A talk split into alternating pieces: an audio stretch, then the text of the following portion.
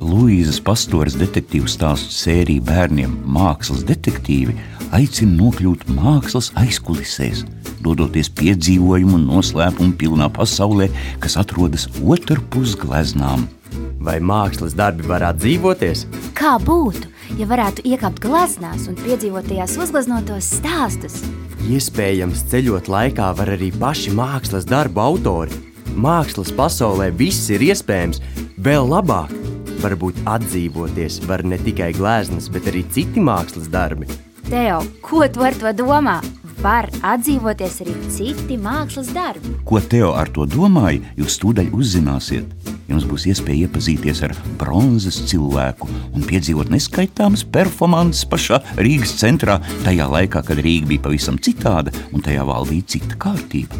Un tā sākam operāciju Maska. Pagaidiet, pagaidiet, pagaidiet. Tā kā šajā stāstā būs iespēja iepazīties ar bronzas cilvēku un piedzīvot neskaitāmas performances pašā Rīgas centrā, laikā, kad tajā valdīja cita kārtība, kopā ar stāsta varoņiem būsim arī mēs. Es, režisors Juris Jonelis, skaņu režisori Ivo Tauriņš un Girds Bišs un Edmunds Freibergs, kurš pavisam nemanāmi pieskatīs jaunos detektīvus Teo un Pogu viņu piedzīvojumos pasaulē otrpus gleznām bet Teo un Pogas lomās iejutīsies Anija Putniņa un Emīls Krūmiņš. Tā tik bija vasara. Karstums sāk cepināt jau no paša rīta. Svilināja pēcpusdienā un sutināja vēl ilgi pēc tam, kad kvēlošā saules bumba bija nogrimusi aiz horizonta, čūkstēdam un kūpēdam kā kaistoša ogla ūdenī. Lai gan bija vasaras brīvlaiks, katru rītu es modos uzreiz pēc saulēkta. Ik rīt es pamodos no ellīgas sajūtas, it kā kāds zem manas gultas būtu iekūrs ugunskura un gatavotos man izvārīt. Taču tas nebija joks, tā bija jūlijas saule, kas svilināja pilsētu kā pārcept olus pannas.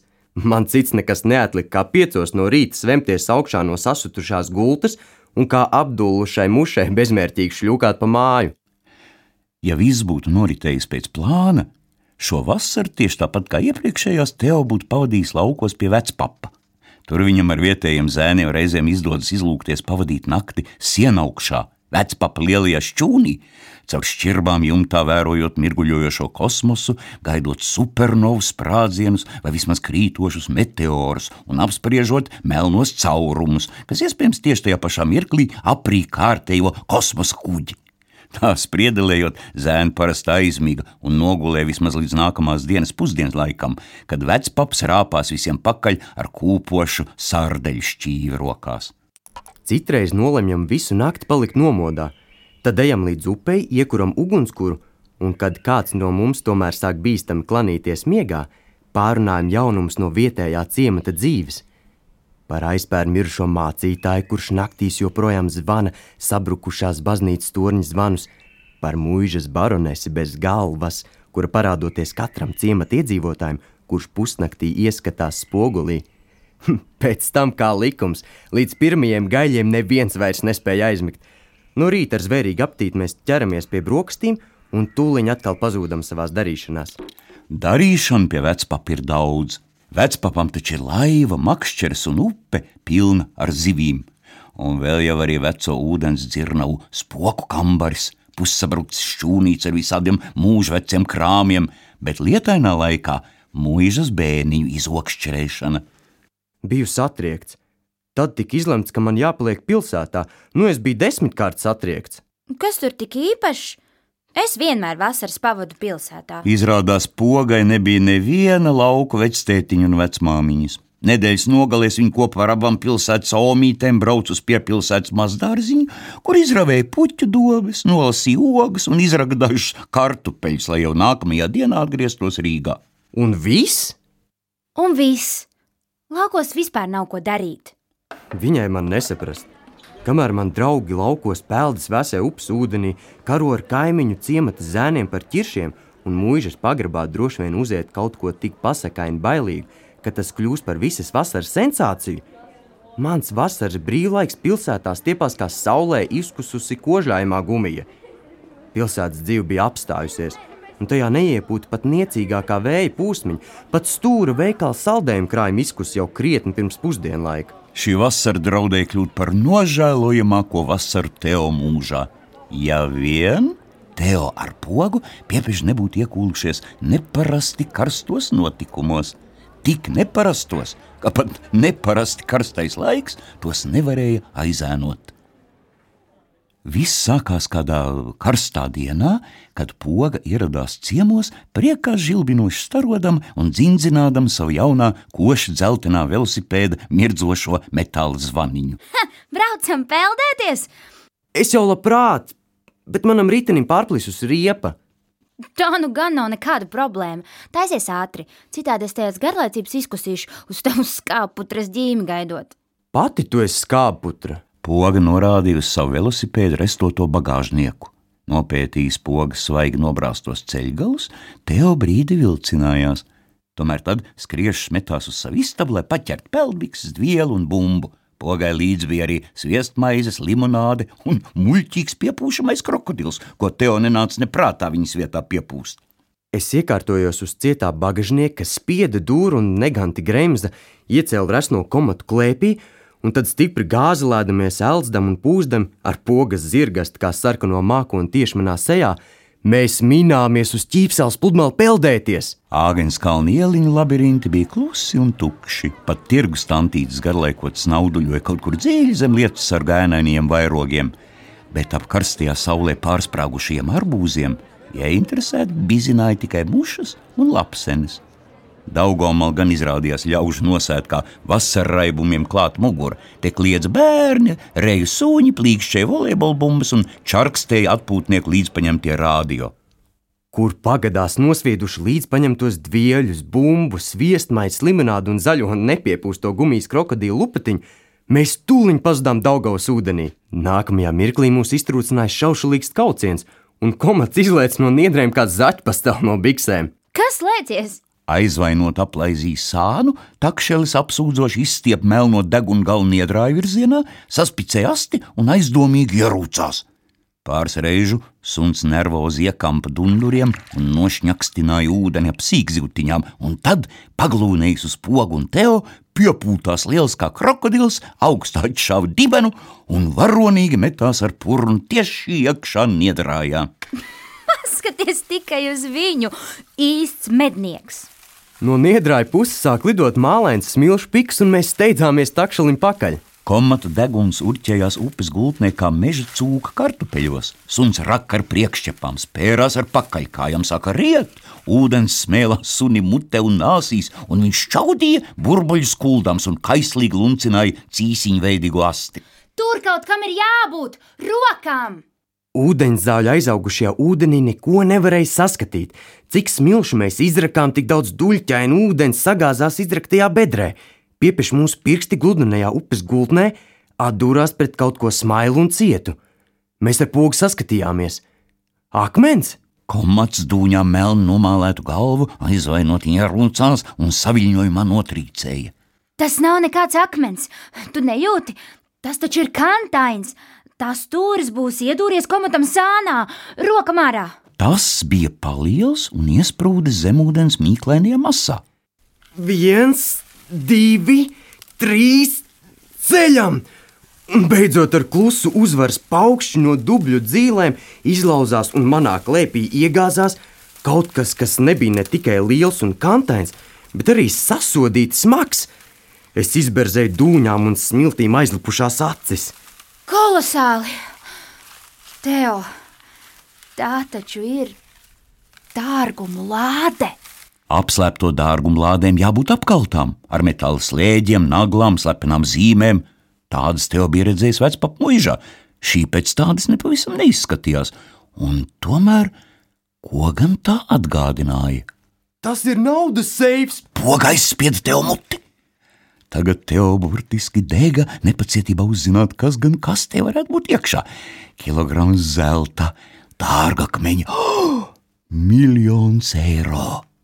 Arī komats bija tik saviņots, ka uztraukumā nevarēja nemierīgi nostāvēt, ne arī nosēdēt, un trinās un dīdījās un kūlās pa ūdeni. Poga nemierīgi palūrēja pār niedrēm uz atpūtniekiem. Teo, kurš? Atpūtniekiem mēs bijām tikai bērneļi, kas rotaļājas upes smiltiņās, Taču mūsu jaunā rotaļkaste bija pārāk liela un ātri varēja piesaistīt nevajadzīgu uzmanību. Mums steigšus vajadzēja lādi nobēdzināt dziļāk necaurredzamajos niedru džungļos. Skaties! Nedaudz tālāk uz vientulīgas zaru saliņas rēgojās pamesta un saulē izkautusi gulbju līgsta. Komats to nekavējoties iekaroja, un kā imperators izriezis karūtis, tūlīt sastinga uzvarētāju stājā. Ideāla paslēptuve! Abi ar pogu krietni nopūlējāmies līdz iecēlām kasti līgzdā. Detektīvu vērībā novērtēja atradumu. Metāla sevis bija viscaur glūts, aprūsējušās durtiņas cieši aizvērtas, bet tam priekšā šifra koda poga. Teo pirksti nevilšus sāka grozīt šifra koda pogu turpu šurpu. Bet, ja nu tur iekšā ir kaut kas bīstams, kādi sprādzienu bīstami pulveri vai ķīmiskie ieroči vai bumba, Tu tiešām domā, ka kaut ko tādu glabātu parastā metāla seifā? Nu, Tā taču būtu vismaz uzlīme ar skeleta galvu vai tam līdzīgs norādījums. kas to lai zina, varbūt manai pārniecei bija taisnība, taču kārtīgiem detektīviem jābūt gataviem visnopietnākajiem notikumu pavērsieniem. Piepeša šifra koda poga aizdomīgi noklikšķēja. Pāri malā un piesargi acis. Taisu kasti vaļā. Ja kaut kas sprāgs, es tev piesekšu. Lai briesmām nepakļautu pārējos, mēs ar zēniem laukos vienmēr izraudzījāmies tikai vienu, kurš uzņems risku pārbaudīt mūsu atradumu bīstamību. Tāda bija atrasto mantu pārmeklēšanas kārtība. Šī piesardzības taktika attaisnojās vienmēr, un mēs zinājām, ka vissvarīgākajos brīžos varam cits uz citu paļauties, un droši vien tāpēc nekad arī neuzgājām neko nāvējoši bīstamu. Poga, protams, gribēja iebilst, taču tad eh, apdomājās neapmierināt saraudzes degunu un pabrida eh, sāņus. Komats uzacis saspringt cilādams, viegli notrīcēja, tomēr varonīgi palika savā vietā. Durtiņas bija pamatīgi sarūsējušas, un Teo vajadzēja krietni nopūlēties, lai atskrubinātu tās vaļā. Kad durvju vērtnes beidzot padevās, Teo ievilka elpu, aizvēra vienu aci un ar otru miglaini lūrēdams piesardzīgi atvēra seifu. Atskanēja svelpjošs kauciens un blīkšķis. Pie vainas bija lapsene. Visatbildīgākajā brīdī tā uzsēdās komatam uz purna, un, kad suns grasījās to varonīgi nokost, iedzēla tieši melnajā degungalā. Aiz briesmīgām sāpēm nokaucies, takšelis kā resns baļķis ievēlās ūdenī, un arī Teo droši palika nedroši. Atliec malā, nejauši aizķērās aiz zemūdens zara, un teju neattapās turpat, kur komats ar purnu muklāja melnajās dūņās. Jau nākamajā mirklī mēs ar komatu sev par nožēlu dzirdējām pogu nosvilpjam. Viņa piesteidzās pie atvērtā seifa, un pirms es paspēju ko iebilst, sāka kaut ko stīvēt no tā ārā. Pēc mirkļa viņa sastinga. Poga novērtēja atradumu.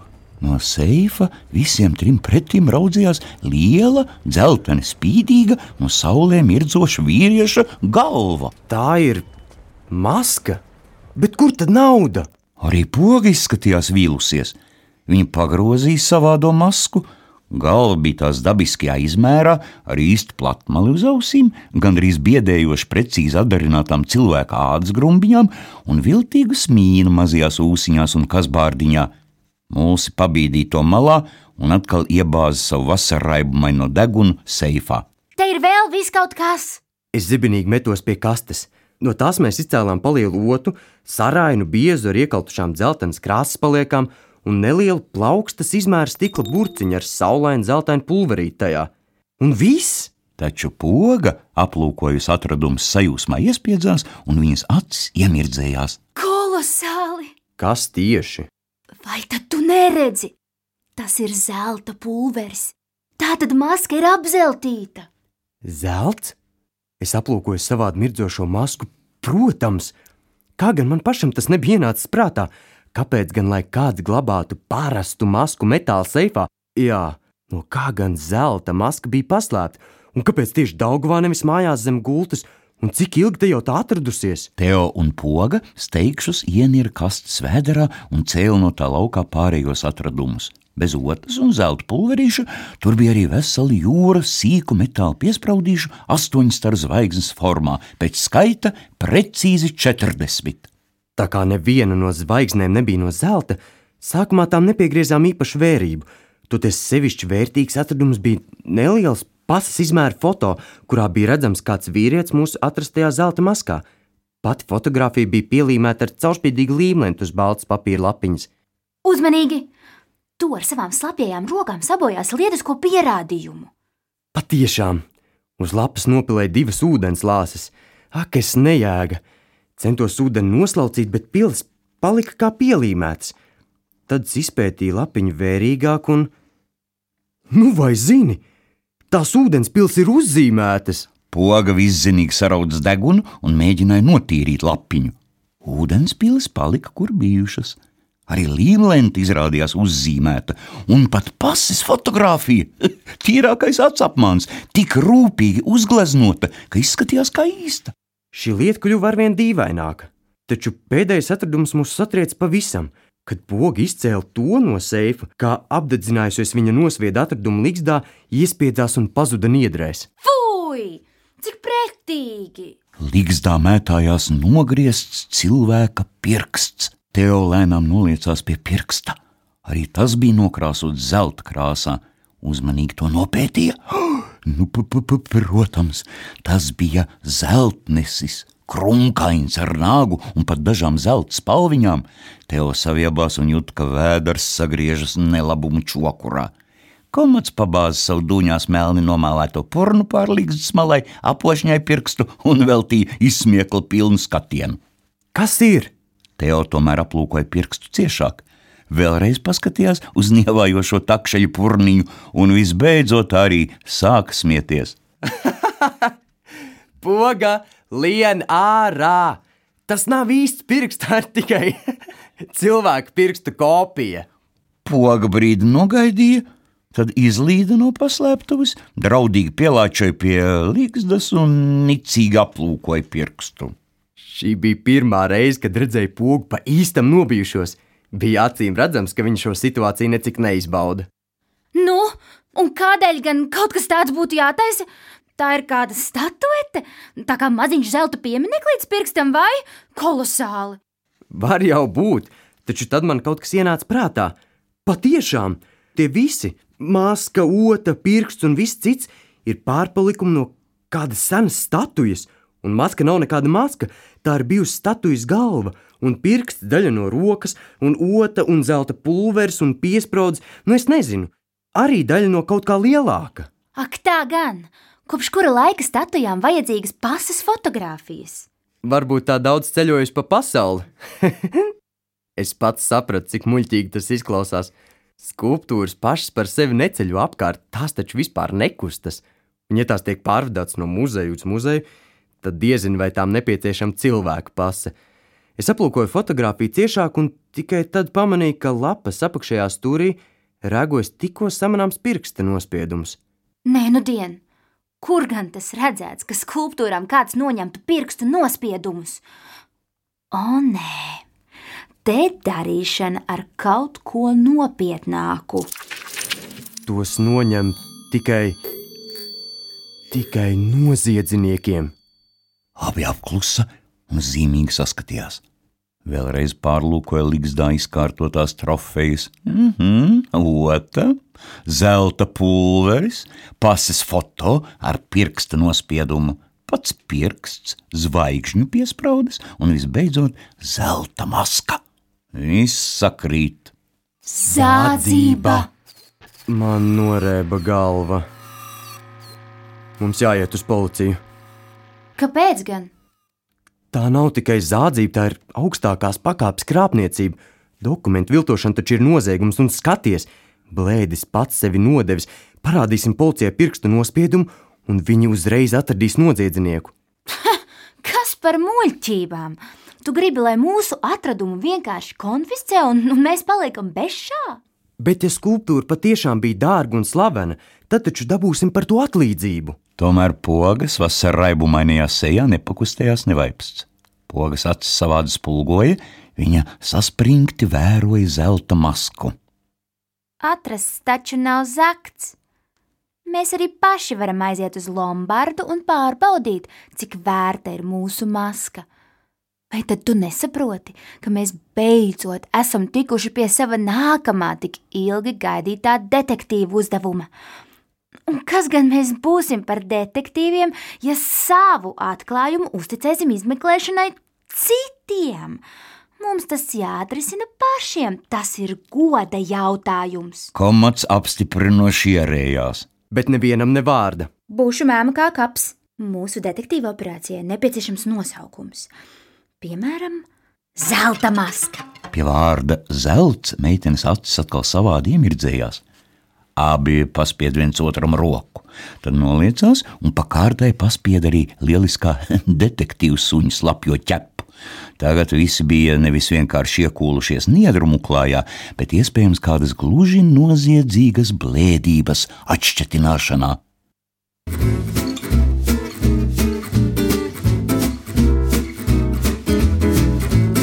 Jūs dzirdējāt Luīzes Pastores sērijas mākslas detektīvi stāsta Maska pirmo sēriju. Pogas un Teo lomās iejutās Anna Putniņa un Emīls Krūmiņš. Jaunos detektīvus pieskatīja Edmunds Freibergs, režisors Juris Jonelis, skaņu režisori Ivo Tauriņš un Girts Bišs. Radio variantu veidoja Laima Matuzāle, producente Māra Eglīte. Latvijas radioteātris 2018. gads.